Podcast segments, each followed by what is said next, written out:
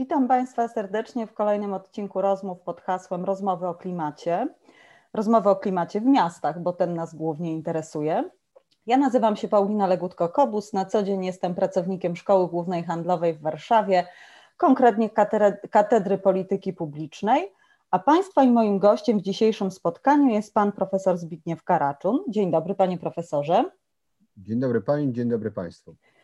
To może tak na początek, dla tych z Państwa, którzy może niekoniecznie do tej pory śledzili z wypiekami na twarzy dyskusję dotyczącą adaptacji do zmian klimatu, czy szerzej w ogóle rozwoju zrównoważonego w miastach, kilka słów o naszym gościu, choć muszę powiedzieć, że to trudno jest wybrać kilka słów, ale postaram się Państwu przybliżyć króciutko, czym Pan Profesor się zajmuje. Jeśli Pan Profesor będzie widział potrzebę uzupełnienia jakichś informacji o sobie, to oczywiście bardzo też poproszę.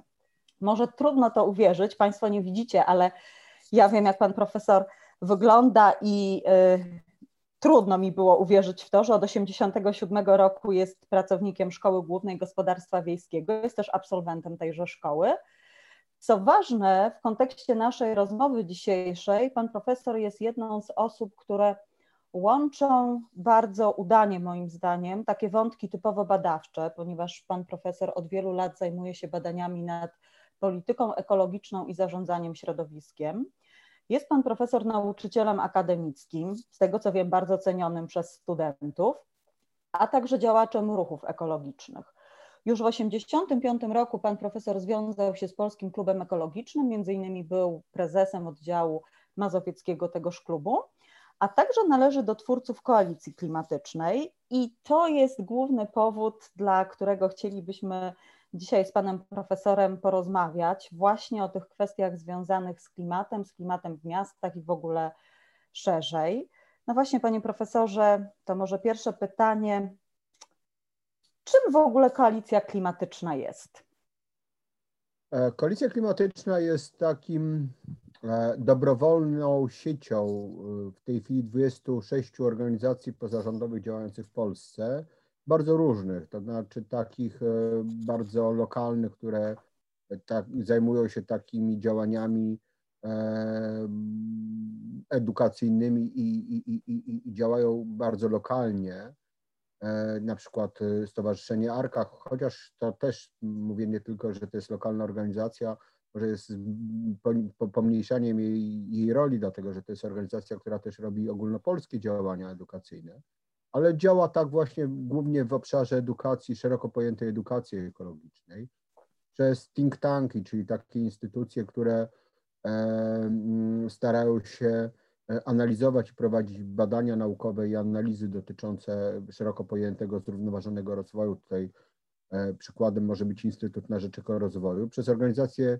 e, ogólnopolskie i międzynarodowe. No, członkiem koalicji klimatycznej jest także Greenpeace Polska, WWF Polska czy Client Earth, Prawnicy dla Ziemi, co, które są organizacjami tak naprawdę e, działającymi na całym świecie czy w całej Europie.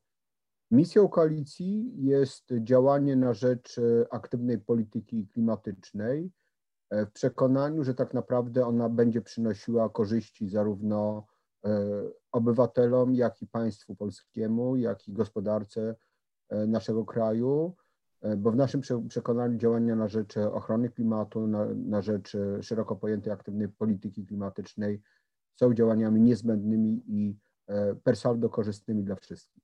No właśnie, panie profesorze, jeżeli mogę wejść słowo i tak zapytać jeszcze, istniejecie państwo 18 lat, prawdę mówiąc zdziwiłam się, że aż tak długo, biorąc pod uwagę tematykę, którą się zajmujecie. Czy w tym 2002 roku, kiedy się zawiązywaliście, Mieliście już takie przeświadczenie, że tematyka klimatu to będzie tematyka, która przez najbliższe lata będzie dla nas kluczowa? E, ja powiem w ten sposób, że ja, ja osobiście zajmuję się kwestią ochrony klimatu i, i, i jakby towarzyszę negocjacjom międzynarodowym w tym zakresie już od 1992 roku, czyli od samego początku tak naprawdę negocjacji. E, uczestniczyłem w wielu szczytach uczestniczyłem tak naprawdę jeszcze w negocjacjach e, tak zwanych ANC, kiedy jeszcze nie, nie, e, konwencja klimatyczna nie weszła w życie, były takie negocjacje prowadzone w, na forum ONZ-u w Genewie przede wszystkim i w Nowym Jorku. I już wtedy miałem przekonanie, że to jest kwestia, która będzie miała zasadniczy wpływ tak naprawdę e, na sposób realizacji celów gospodarczych i społecznych, że to jest problem, który znacznie wykracza poza wąsko pojętą kwestię ochrony środowiska, że to jest problem e, tak naprawdę, który wymaga bardzo holistycznego podejścia.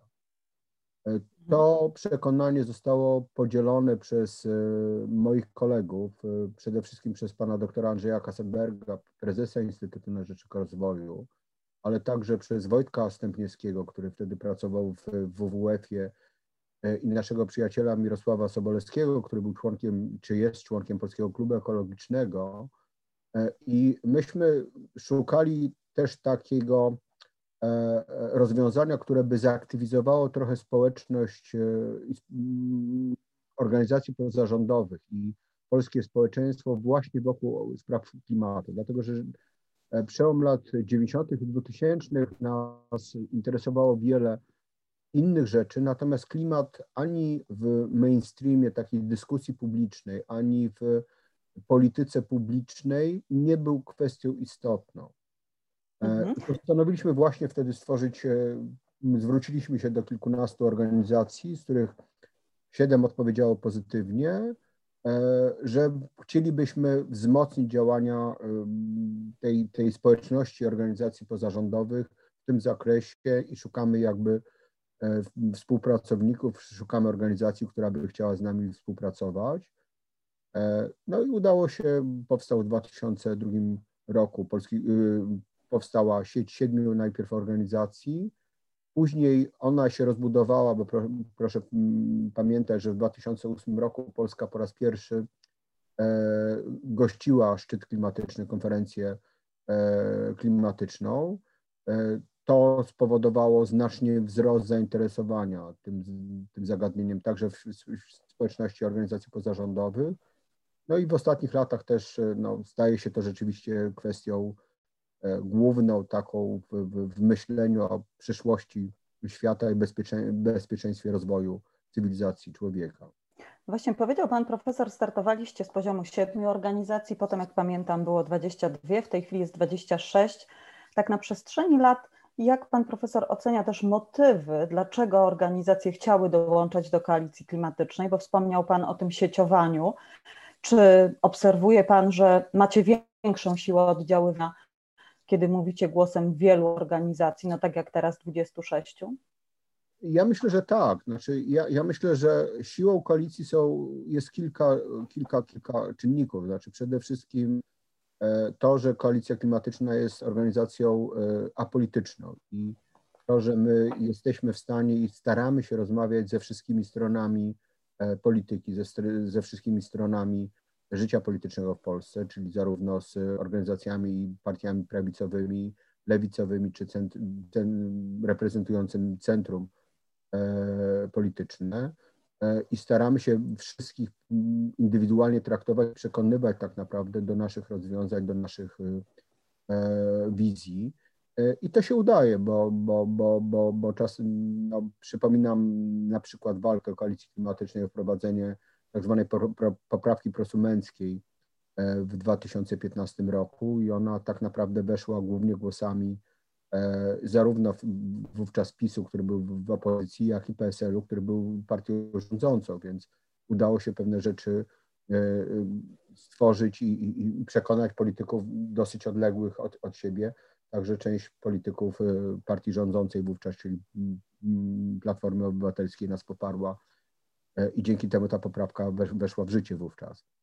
E, druga rzecz, którą wydaje mi się e, bardzo ważna, to jest różnorodność. Znaczy różnorodność i organizacji, i form działania, i celów, które te organizacje mają. Tak, tak jak mówię, no, mamy organizacje, które się zajmują edukacją, ale mamy się też organizacje, które się zajmują na przykład e, działa, czy, czy starają się walczyć o prawa zwierząt i, i, i przeciwdziałać rozwojowi E, przemysłowego chowu zwierząt i dbają o dobrostan zwierząt. Mamy organizacje, które się zajmują ochroną przyrody, mamy organizacje, które się zajmują transportem, czyli tak naprawdę możemy się wzmacniać swoją wiedzą w działaniach. Mamy dostęp też do bardzo dobrych specjalistów, ekspertów, naukowców. To także jest siła koalicji. E, I trzecia rzecz, która według mnie jest unikalna dla koalicji w koalicji, to jest to, że w kraju, w którym wszystkie badania socjologiczne wskazują bardzo niski poziom zaufania, gdzie e, tak naprawdę bardzo trudno jest e, budować sieci współpracy.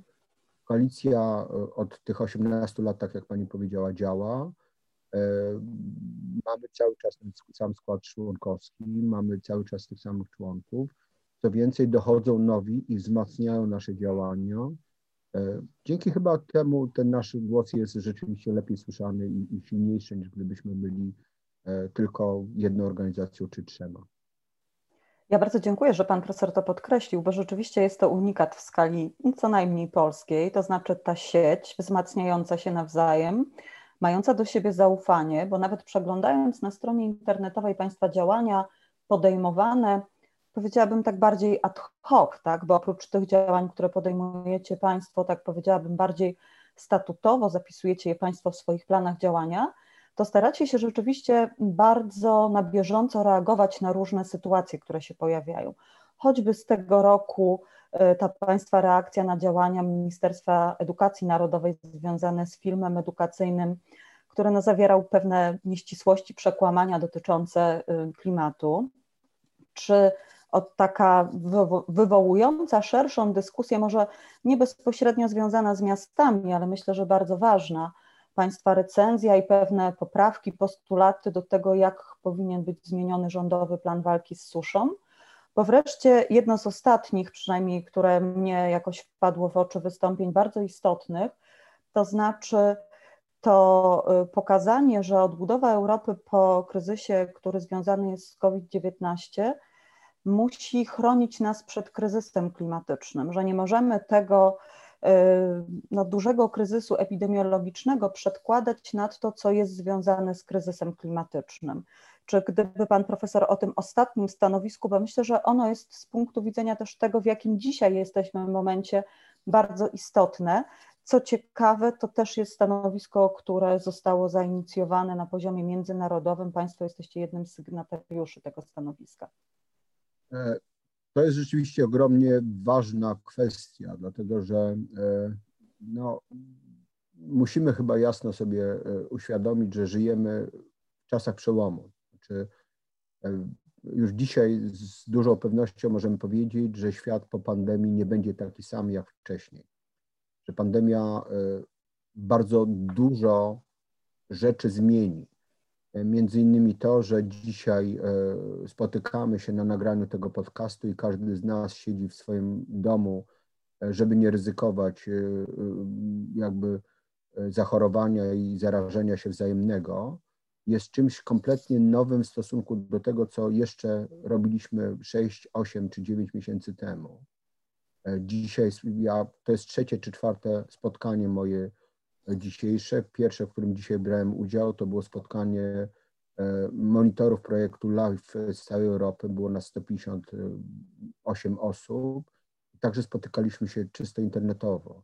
Rok temu byśmy się spotkali, każdy z nas musiałby pojechać do Brukseli, spotkać się, spędzić kilka dni w Brukseli, ale także zostawić pewien ślad węglowy w tym, e, co, co, co, co zrobiliśmy. Więc na pewno pandemia zmieni bardzo dużo w naszym życiu. Zmieni nasze przyzwyczajenia, zmieni pewne sposoby działania biznesu, e, pewne kierunki, które rozwojowe, które wydawały nam się jeszcze kilka lat temu czy kilka miesięcy temu kompletnie e, niemożliwe do zrealizowania.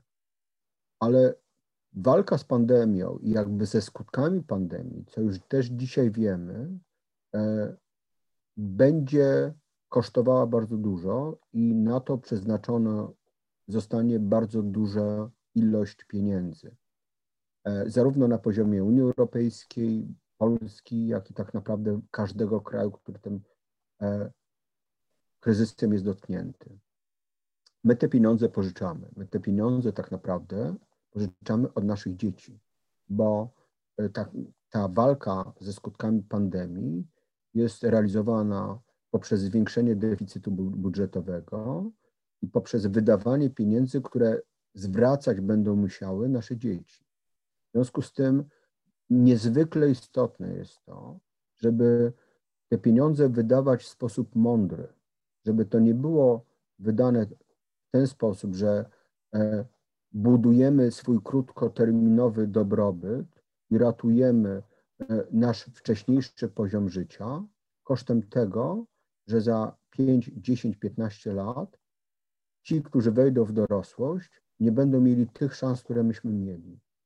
I e, dlatego uważamy, że tak naprawdę niezwykle istotne jest to, żeby te pieniądze, które będą wydawane, one brały pod uwagę, że żyjemy również w czasie kryzysu klimatycznego, na skraju katastrofy klimatycznej, że żyjemy w czasach kryzysu ekologicznego i te pieniądze muszą służyć i muszą być wydawane tak, żeby wspierać transformację całej gospodarki, wszystkich sektorów e, w stronę budowy zrównoważenia. To znaczy, e, na, w naszym przekonaniu my powinniśmy żądać i żądamy jako koalicja klimatyczna i jak, tak jak pani powiedziała, na bardzo wiele organizacji działaczy ekologicznych i społecznych na całym świecie, żeby zmienić dotychczasowe podejście do polityki, żeby ta przyszłość to nie była przyszłością opartą na mm, jakby podporządkowaniu wszystkiego wzrostowi gospodarczemu i dostarczaniu ciągle to nowych i więcej, większej ilości dóbr każdemu, kto te dóbr chciał, dobra chciałby otrzymać. Musimy podejść do polityki, biorąc pod uwagę, że istnieją pewne nienaruszalne bariery stabilności systemu naturalnego. Te bariery to przede wszystkim krążenie materii w biosystemie i przepływ energii przez system ekologiczny.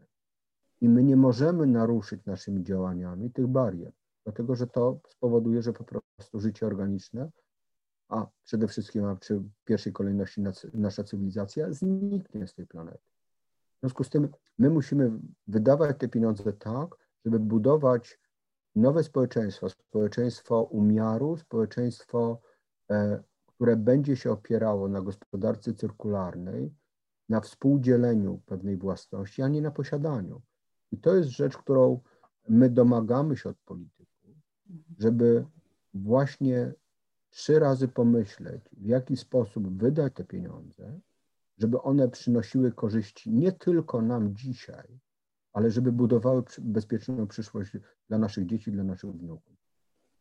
No właśnie powiedział Pan Profesor tutaj o gospodarce cyrkularnej, o tym, że musimy zmienić swoje przyzwyczajenia.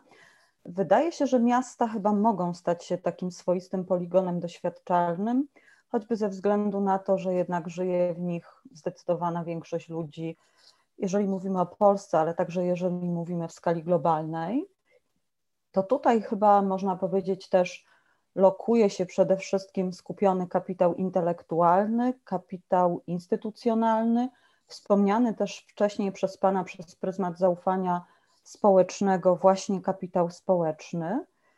No i w związku z tym powstaje pytanie, jakie Pan widzi takie główne wyzwania dla miast, biorąc pod uwagę walkę z tą sytuacją jeszcze covidową i później post-covidową w kontekście adaptacji do zmian klimatu? Znaczy rzeczywiście miasta są e, e, jakby w pierwszej linii tej walki. E, przede wszystkim dlatego, że rzeczywiście na początku XXI wieku przełamany został taki trend, że do tej pory, czy do tamtej pory większość ludzi żyło na terenach wiejskich. Od chyba bodajże 2005 roku większość z nas mieszka w miastach. Miasta są największym konsumentem energii, największym konsumentem zasobów naturalnych i E, rzeczywiście tu jest i kapitał intelektualny, finansowy i, i, i, ten kapitał społeczny, który może dokonać pewnej transformacji. Ta transformacja wydaje mi się następuje, to znaczy miasta są taką e, elitą działań e, na rzecz mitygacji, czyli na rzecz ochrony klimatu. Mamy taką inicjatywę C40, czyli inicjatywy miast, które zdecydowały się, że będą realizowały cele porozumienia paryskiego, czyli ograniczą swoje emisje do 2030 roku o 40% w stosunku do roku 1990. Mamy inne różnego rodzaju inicjatywy na rzecz ochrony klimatu i adaptacji do zmian klimatu. To jest o tyle istotne, że miasta są na tyle bogate zazwyczaj, że mogą sobie pozwolić na przygotowanie programów adaptacji do zmian klimatu i strategii ochrony klimatu, działań czy politykę klimatyczną.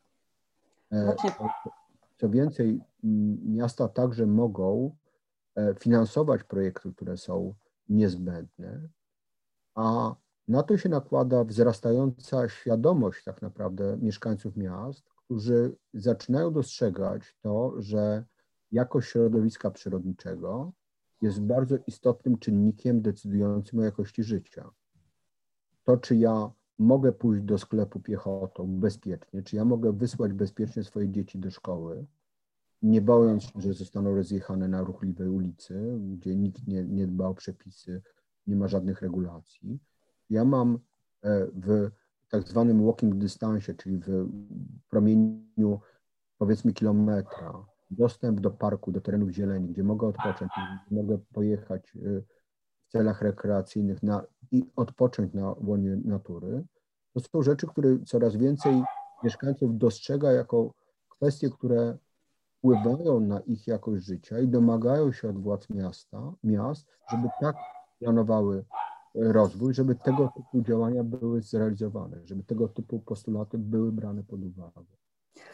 No właśnie wspomniał Pan Profesor i wydaje mi się to bardzo symptomatyczne, ten wzrost świadomości właśnie wśród mieszkańców miast przede wszystkim widocznych, a może powiem złośliwie, głównie mieszkańców miast w tym zakresie badamy i, i może trochę więcej też na ten temat wiemy.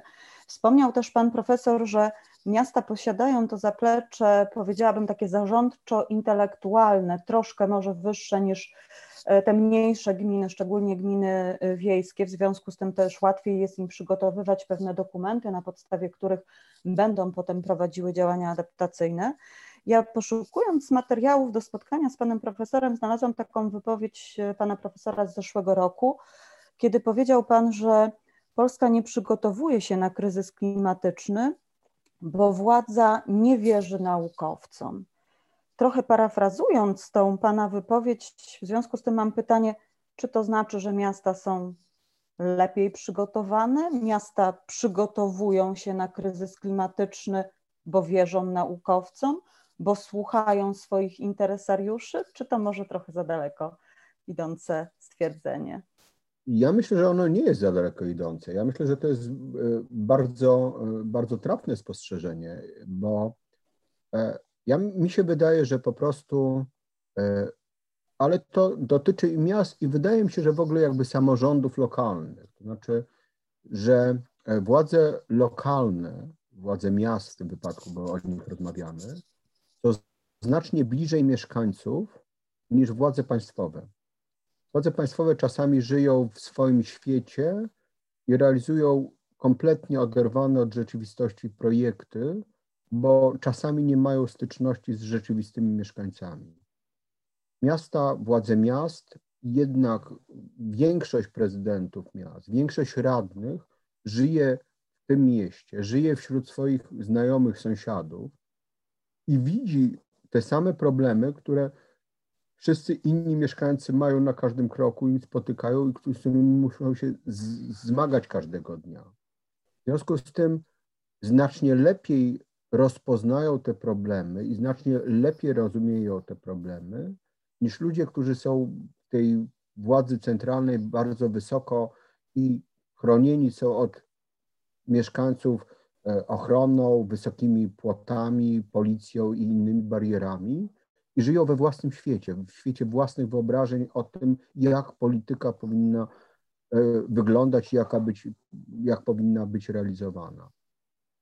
Ja to, ten głos, który pani przytoczyła z zeszłego roku, ja ciągle go podtrzymuję. To znaczy uważam, że mamy problem i to niestety nie jest tylko problem Polski, bo to jest e, szerszy problem, bo jeżeli popatrzymy tak naprawdę na wielu prezydentów, rozpoczynając od prezydenta Stanów Zjednoczonych, tak, przez, przez wielu polityków, to oni się wyrażają co najmniej z mm, dystansem, jeżeli nie z dezaprobatą do wyników badań naukowych.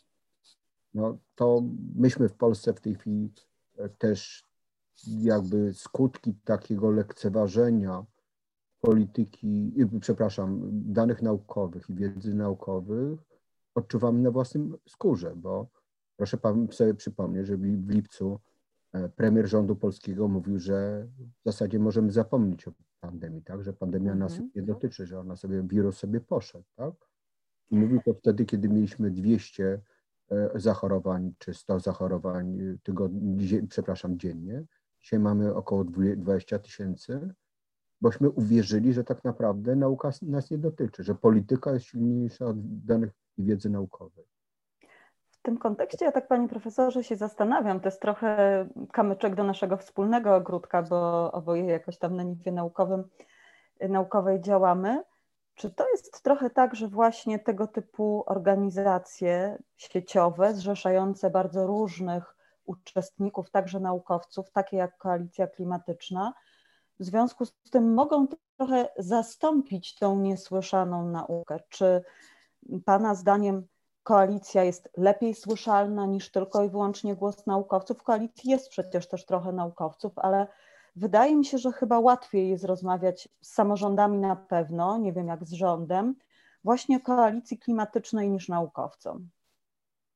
E, ja myślę, że tu są e, e, różne role, dlatego że ja na i to mówię też jako naukowiec, nie chciałbym, żeby organizacje czy sieci takie jak Koalicja Klimatyczna zastępowały naukowców.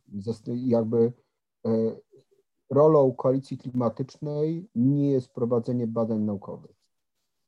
E, rolą tak naprawdę takich sieci jak Koalicja Klimatyczna i organizacji pozarządowych jest korzystanie z wiedzy naukowej i jej przekazywanie, jej, e, ja powiem dosyć brutalnie, upraszczanie tej wiedzy tak aby ona stała się zrozumiała dla szerokiego grona odbiorców. E, ja mam tą trudność też jako naukowiec, bo zawsze żartuję, znaczy zawsze opowiadam, że ja skończyłem studia ogrodnicze, w związku z tym mam bardzo kwiecisty styl. Ten kwiecisty styl powoduje, że coś, co mógłbym napisać na, nie wiem, jednej stronie często zajmuje mi 7 czy 10 stron, ale to jest często także problem nauki, bo nauka musi być niezwykle obiektywna, e, uczciwa i weryfikowalna. Więc rzadko zdarza się, że naukowiec mówi coś z pełnym przekonaniem. Proszę zauważyć, że raport IPCC nie mówi jednoznacznie, człowiek jest odpowiedzialny za zmiany klimatu, tylko mówi, że z prawdopodobieństwem 95% my możemy powiedzieć, że to człowiek jest odpowiedzialny za te zmiany, które dzisiaj notujemy. Za wyciągnięcie tej według mnie oczywistej, oczywistego wniosku, ale jednak nie do końca uprawnionego z punktu widzenia czystej nauki, czyli powiedzenie, to człowiek jest sprawcą zmiany klimatu, dlatego musimy działać. Dlatego musimy zmienić sposób działalności człowieka, to organizacje pozarządowe, żeby pokazywały pewne jednoznaczności, których naukowiec, e, naukowcowi jest bardzo trudno jednoznacznie w końcu jakby powiedzieć, bo zawsze będzie miał tą niepewność, czy wziął wszystkie e, e, czynniki pod uwagę. W związku z tym zawsze na końcu każdego artykułu będzie, ale sprawa wymaga dalszego badania. No właśnie, a czasem może to jest tak, że z drugiej strony, tej stronie społecznej, organizacjom pozarządowym, zarzuca się pewien taki radykalizm w takim ujęciu, że tam nie ma miejsca na pewne wątpliwości, tak jak słusznie pan profesor tu podkreślił, one pojawiają się w nauce Y, jest właśnie raczej miejsce na informacje, edukację, może nawet bardziej popularyzowanie. I w tym kontekście mam kolejne pytanie do pana profesora. Znowu wracając do pana butów związanych z koalicją klimatyczną, na, na przestrzeni tych wielu lat, kiedy działacie jako koalicja klimatyczna, czy dostrzegacie zmianę społecznego odbioru waszego działania? Czy to jest tak, że uważacie, że macie większą siłę oddziaływania? Z czego ona wynika? Czy się w ogóle zmieniła od tego roku 2002? Oj, zmieniła się to bardzo. Znaczy, y, ja dostrzegam ogromną zmianę tak naprawdę w podejściu. E, ta zmiana następowała dosyć wolno i ona jest zdecydowanie wolniejsza tak naprawdę w, w, w Polsce niż w krajach y, zachodniej Europy. Natomiast ta zmiana nastąpiła jakbym miał szukać tak naprawdę cezury, to ona nastąpiła, e, myślę, że tak w, w okolicach e, mniej więcej 2-3 lata temu, kiedy może trochę wie, nie więcej, więcej, bo to było e, w momencie, kiedy w Polsce odbywała się konferencja w Katowicach. Mhm. I kiedy nagle nie, to były 4 lata temu, tak? Kiedy polscy politycy w trakcie konferencji, która e, cały świat zastanawia się, jak odejść od paliw kopalnych, polscy politycy odpowiedzialni za tą konferencję, za jej organizację, postanowili w trakcie niej e, eksponować i e, reklamować węgiel jako takie paliwo, które ma być paliwem przyszłości, bezpiecznym i w ogóle, że zmiana klimatu to przecież nie węgiel, nie spalanie węgla. To było niezgodne tak naprawdę, co jest niezgodne z wynikami badań naukowych. I wydaje mi się, że wtedy bardzo duża część społeczeństwa i mediów dostrzegła tą dychotomię, dychotomię pomiędzy rzeczywiście wynikami badań naukowych, a tym, co próbowali robić część cynicznych polityków, żeby wygrać to, próbując zaczarować w pewien sposób E, rzeczywistość.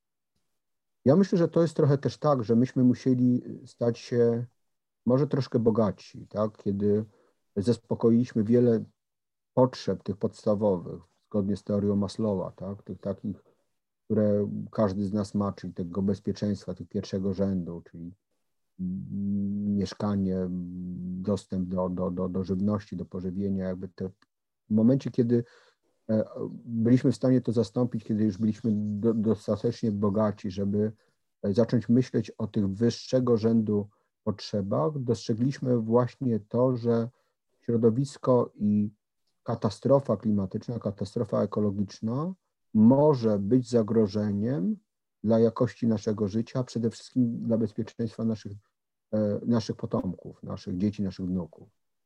I wtedy zaczęli, zaczęliśmy się niepokoić, zaczęliśmy szukać nowych informacji i zaczęliśmy domagać się od y, polityków tego, aby mm, zaczęli coś w tym zakresie robić. E, I znowu wydaje mi się, że pierwsi, którzy zareagowali na to, byli prezydenci miast, którzy zaczęli właśnie dostrzegać takie, takie rzeczy. W Warszawie już za czasów poprzedniej pani prezydent, czyli pani Gronkiewicz-Walc, e, Warszawa przystąpiła do porozumienia burmistrzów i e, realizowała, ma, ma program, który ma spowodować, że Warszawa zrealizuje tą, tą, te, te cele na rok 2020, czyli ograniczy swoją emisję o 20% w 2020 roku w stosunku do roku bazowego. Później podpisano porozumienie właśnie to burmistrzów związane z celami porozumienia paryskiego. Do tego również zaczęły przystępować inne miasta, samorządy, to nie tylko miasta, ale również miasteczka, również e, mniejsze e, jednostki zaczęły przy, przystępować, bo mieszkańcy widzieli sensowność tego i widzieli to, że zmiany klimatu rzeczywiście powodują negatywne skutki, które stają się dla nich zagrażające. I jakby to, jeżeli miałbym wymienić jedną podstawową różnicę, którą widzę tak naprawdę w tym, co się zmieniło w Polsce, to jak zaczynaliśmy działać jako koalicja klimatyczna, to głównym jakby obszarem, którym spieraliśmy się z często, częścią polityków, dużą częścią polityków, ze wszystkich stron obozu politycznego, prawica i lewica i centrum, było ta, takie podejście denialistyczne, tak, że zmiana klimatu e, albo nie następuje, albo na pewno nie jest spowodowana przez człowieka, a na pewno nie jest groźna, nie ma, nie ma się co w ogóle tym zajmować. Dzisiaj tak naprawdę bardzo rzadko z ust polityków słyszymy, że nie ma czegoś takiego jak zmiana klimatu. Bardzo rzadko słyszymy, że to człowiek nie jest odpowiedzialny za to, co dzisiaj obserwujemy. Coraz rzadziej też słyszymy, że nie ma co podejmować działań w zakresie polityki klimatycznej. Dzisiaj tak naprawdę zaczynamy się spierać o sposób działania, a nie o to, czy trzeba działać na rzecz ochrony klimatu i adaptacji do jego skutków. Tutaj też powiedział pan profesor, y, podkreślił właściwie po raz kolejny, że miasta rzeczywiście mogą być tymi liderami. A ja się w tym kontekście zastanawiam też nad pewnym fenomenem, chyba też tą datą graniczną była właśnie konferencja w Katowicach, związaną z młodzieżowymi strajkami klimatycznymi, które też mają miejsce głównie w większych miastach. Na ile zdaniem pana profesora właśnie to podejście tych najmłodszych obywateli, którzy za moment będą tymi, którzy decydują o kształcie miast, którzy będą brali świadomy udział w procesach partycypacyjnych, mówiących o tym, jak ma wyglądać przestrzeń tych naszych miast, zmieni w ogóle podejście do polityki miejskiej, do uwzględniania kwestii adaptacyjnych. I druga część tego pytania, na ile zdaniem pana profesora takie organizacje, takie sieci jak Koalicja Klimatyczna mogą stać się swoistymi, nie wiem czy to dobre słowo, mediatorami, bardziej bym powiedziała, twórcami pewnych sieci powiązań, które będą powstawały między interesariuszami? Znaczy ja bym powiedział tak, że ja, ja się bardzo cieszę z tej aktywności młodych ludzi, dlatego że tak naprawdę e, to jest ich przyszłość, oni walczą o swoją przyszłość i, i, i bardzo dobrze i, i, ogromnie się cieszę, że, że oni to dostrzegli. Koalicja klimatyczna, jeśli może, jeżeli jest o to proszona, wspiera y, te inicjatywy mm, podejmowane przez MSK, natomiast y, też nie chcemy się wpychać tak i nie chcemy ich zastępować, tych młodych ludzi. To powinien być, pozostać także ich ruch i ich tak, taka ekspresja tej, tej, tej, tej, tej, tej woli działania i, i, i krzyku o potrzebę podejmowania bardziej skutecznych działań na rzecz ochrony klimatu. E, ja myślę, że to MSK dużo zmienia, to znaczy to zaangażowanie młodych ludzi ogromnie dużo zmienia. E, dla mnie niezwykle inspirujące i niezwykle ważne jest to, że ta aktywność młodych ludzi jest wbrew temu, co się dzieje tak naprawdę w szkołach. Dlatego, że proszę pamiętać, że w polskiej szkole ani w podstawowej, ani w liceum dzieci nie są uczone, czy młodzież nie jest uczona, co to są zmiany klimatu, kto je powod- i co je powoduje i jak im przeciwdziałać. I mimo tego ci młodzi ludzie potrafili dotrzeć do rzeczywistych, prawdziwych informacji i zrozumieć, że to jest proces, który zagraża ich przyszłości i zdecydować się na podjęcie aktywnych działań i próbę wpłynięcia na rzeczywistość pokojowego w sposób taki, żeby E, zawstydzić nas, ich rodziców, e, że do tej pory zbyt mało myśleliśmy o ich przyszłości. Ja myślę, że to też jest dlatego bardzo skuteczne, bo e, część rodziców tych dzieci to są osoby, których decyzje mogą wpływać, czy też wpływają na to, jak polityka klimatyczna na różnych poziomach, i krajowym, i samorządowym, ale również w podmiotach gospodarczych jest i będzie realizowana teraz i w przyszłości.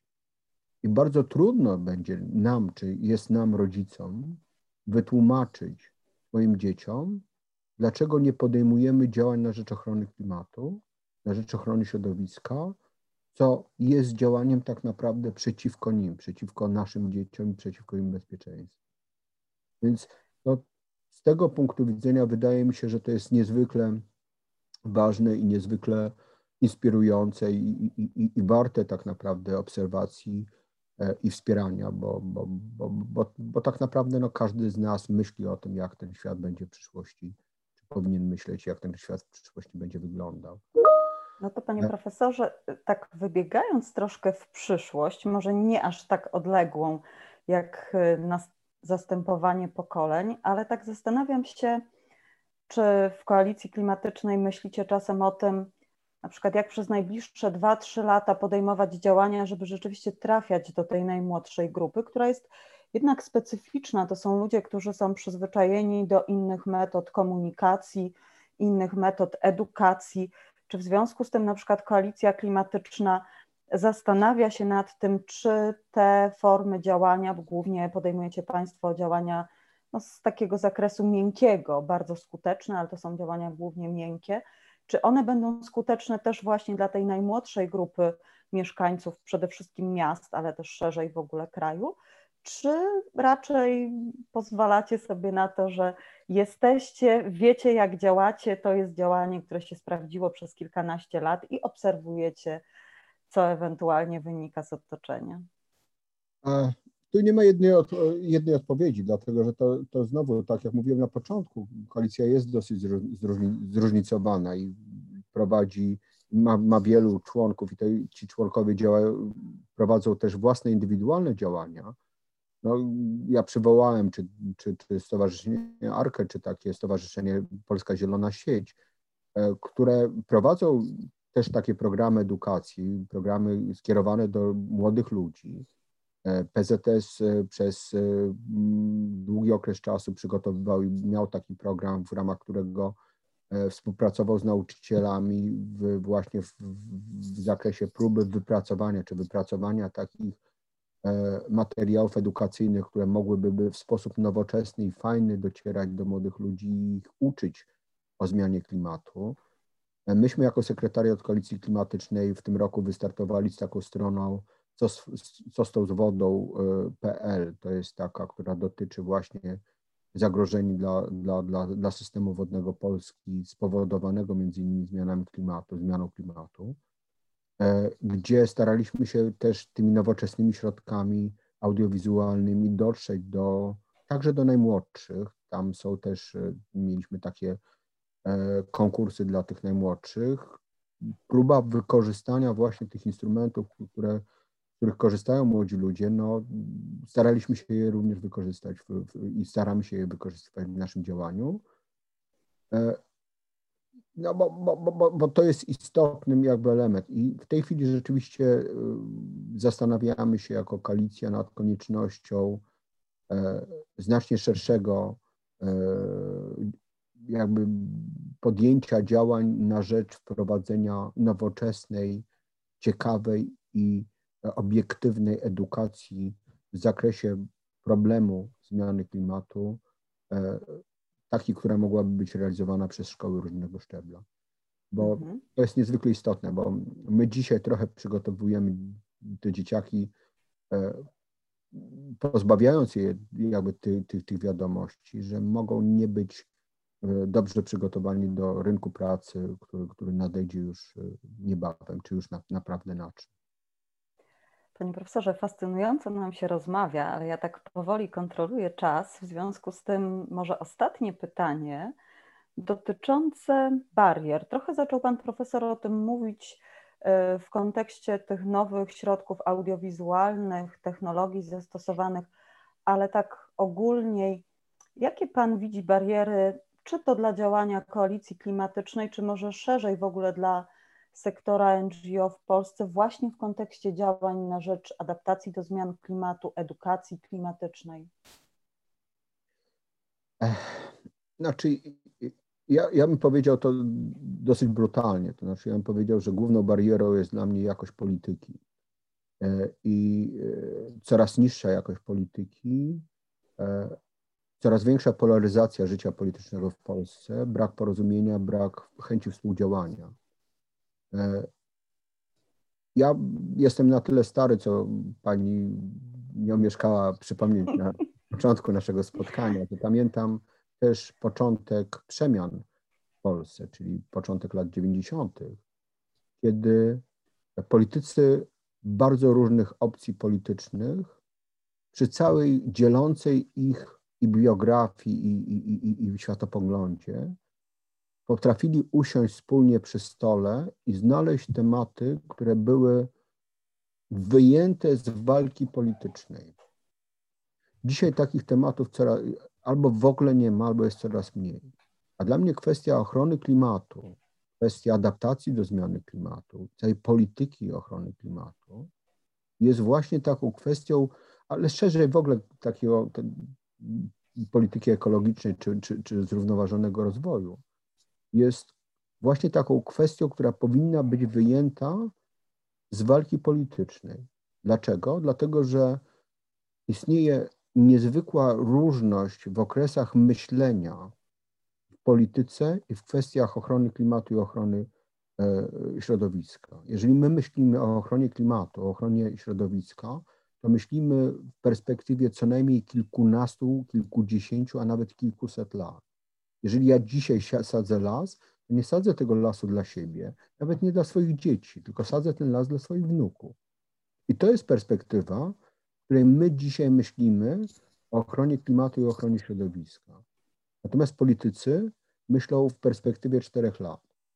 Oni wygrywając wybory, następnego dnia zaczynają się zastanawiać, jak wybory następne wygrać, jak nie, nie zostać wyrzucony z tej polityki. I dlatego tak niezwykle istotne jest to, żeby te kwestie jakby wyjąć z walki politycznej i żeby zrozumieć, że tak naprawdę to jest kwestia przetrwania, że rzeczywiście stoimy na krawędzi i jest jeszcze czas, żeby się z tej krawędzi cofnąć. Ale to wymaga tak naprawdę współpracy, zaufania i chęci tego, że chcemy zbudować bezpieczną przyszłość. Jeżeli będzie, będziemy każdy w swoją stronę ten zastaw sukna ciągnęli, no to wszyscy razem wpadniemy w tą przepaść. I to jest według mnie największa przepaść, największa bariera. Natomiast druga rzecz, którą też na zakończenie chciałbym powiedzieć, która według mnie jest niezwykle istotna, dlatego że mówimy dzisiaj głównie o adaptacji. Natomiast ja myślę, że bardzo ważne jest to, żeby zrozumieć, że oczywiście adaptacja jest ogromnie ważna i powinniśmy już dziś podejmować i zarówno w miastach, i na terenach wiejskich, w rolnictwie, w leśnictwie, we wszystkich sektorach, powinniśmy zacząć się adaptować do już następujących i prognozowanych skutków zmiany klimatu. Ale jeżeli nie zatrzymamy zmiany klimatu, jeżeli nie osiągniemy celów polityki klimatycznej, tych zgodnych z porozumieniem paryskim, jeżeli nie osiągniemy neutralności klimatycznej przed połową tego wieku, to nigdy nie nadążymy z adoptowaniem się do zmian, które będą następowały. Bo, to, bo barierą też jest to, że większość polityków, większość z nas nie rozumie jednej rzeczy, że zmiany w środowisku nie następują w sposób liniowy. To, to oznacza, że jeżeli będzie cieplej o 2,5 stopnia, to nie znaczy, że będzie tylko trochę gorzej niż jeżeli temperatura średnia wzrośnie o 2 stopnie. Może być kompletnie inaczej. I może się okazać, że te 2,5 stopnia to system przejdzie na zupełnie inny poziom równowagi. I na tym nowym poziomie równowagi nie będzie już dla nas miejsca. Dla nas jako dla gatunku, dla nas jako cywilizacji, dla nas jako biosfery. Dlatego wydaje mi się, że powinniśmy działać. Panie profesorze, niech mi będzie wolno zakończyć cytatem z tego, co Pan przed chwilą powiedział.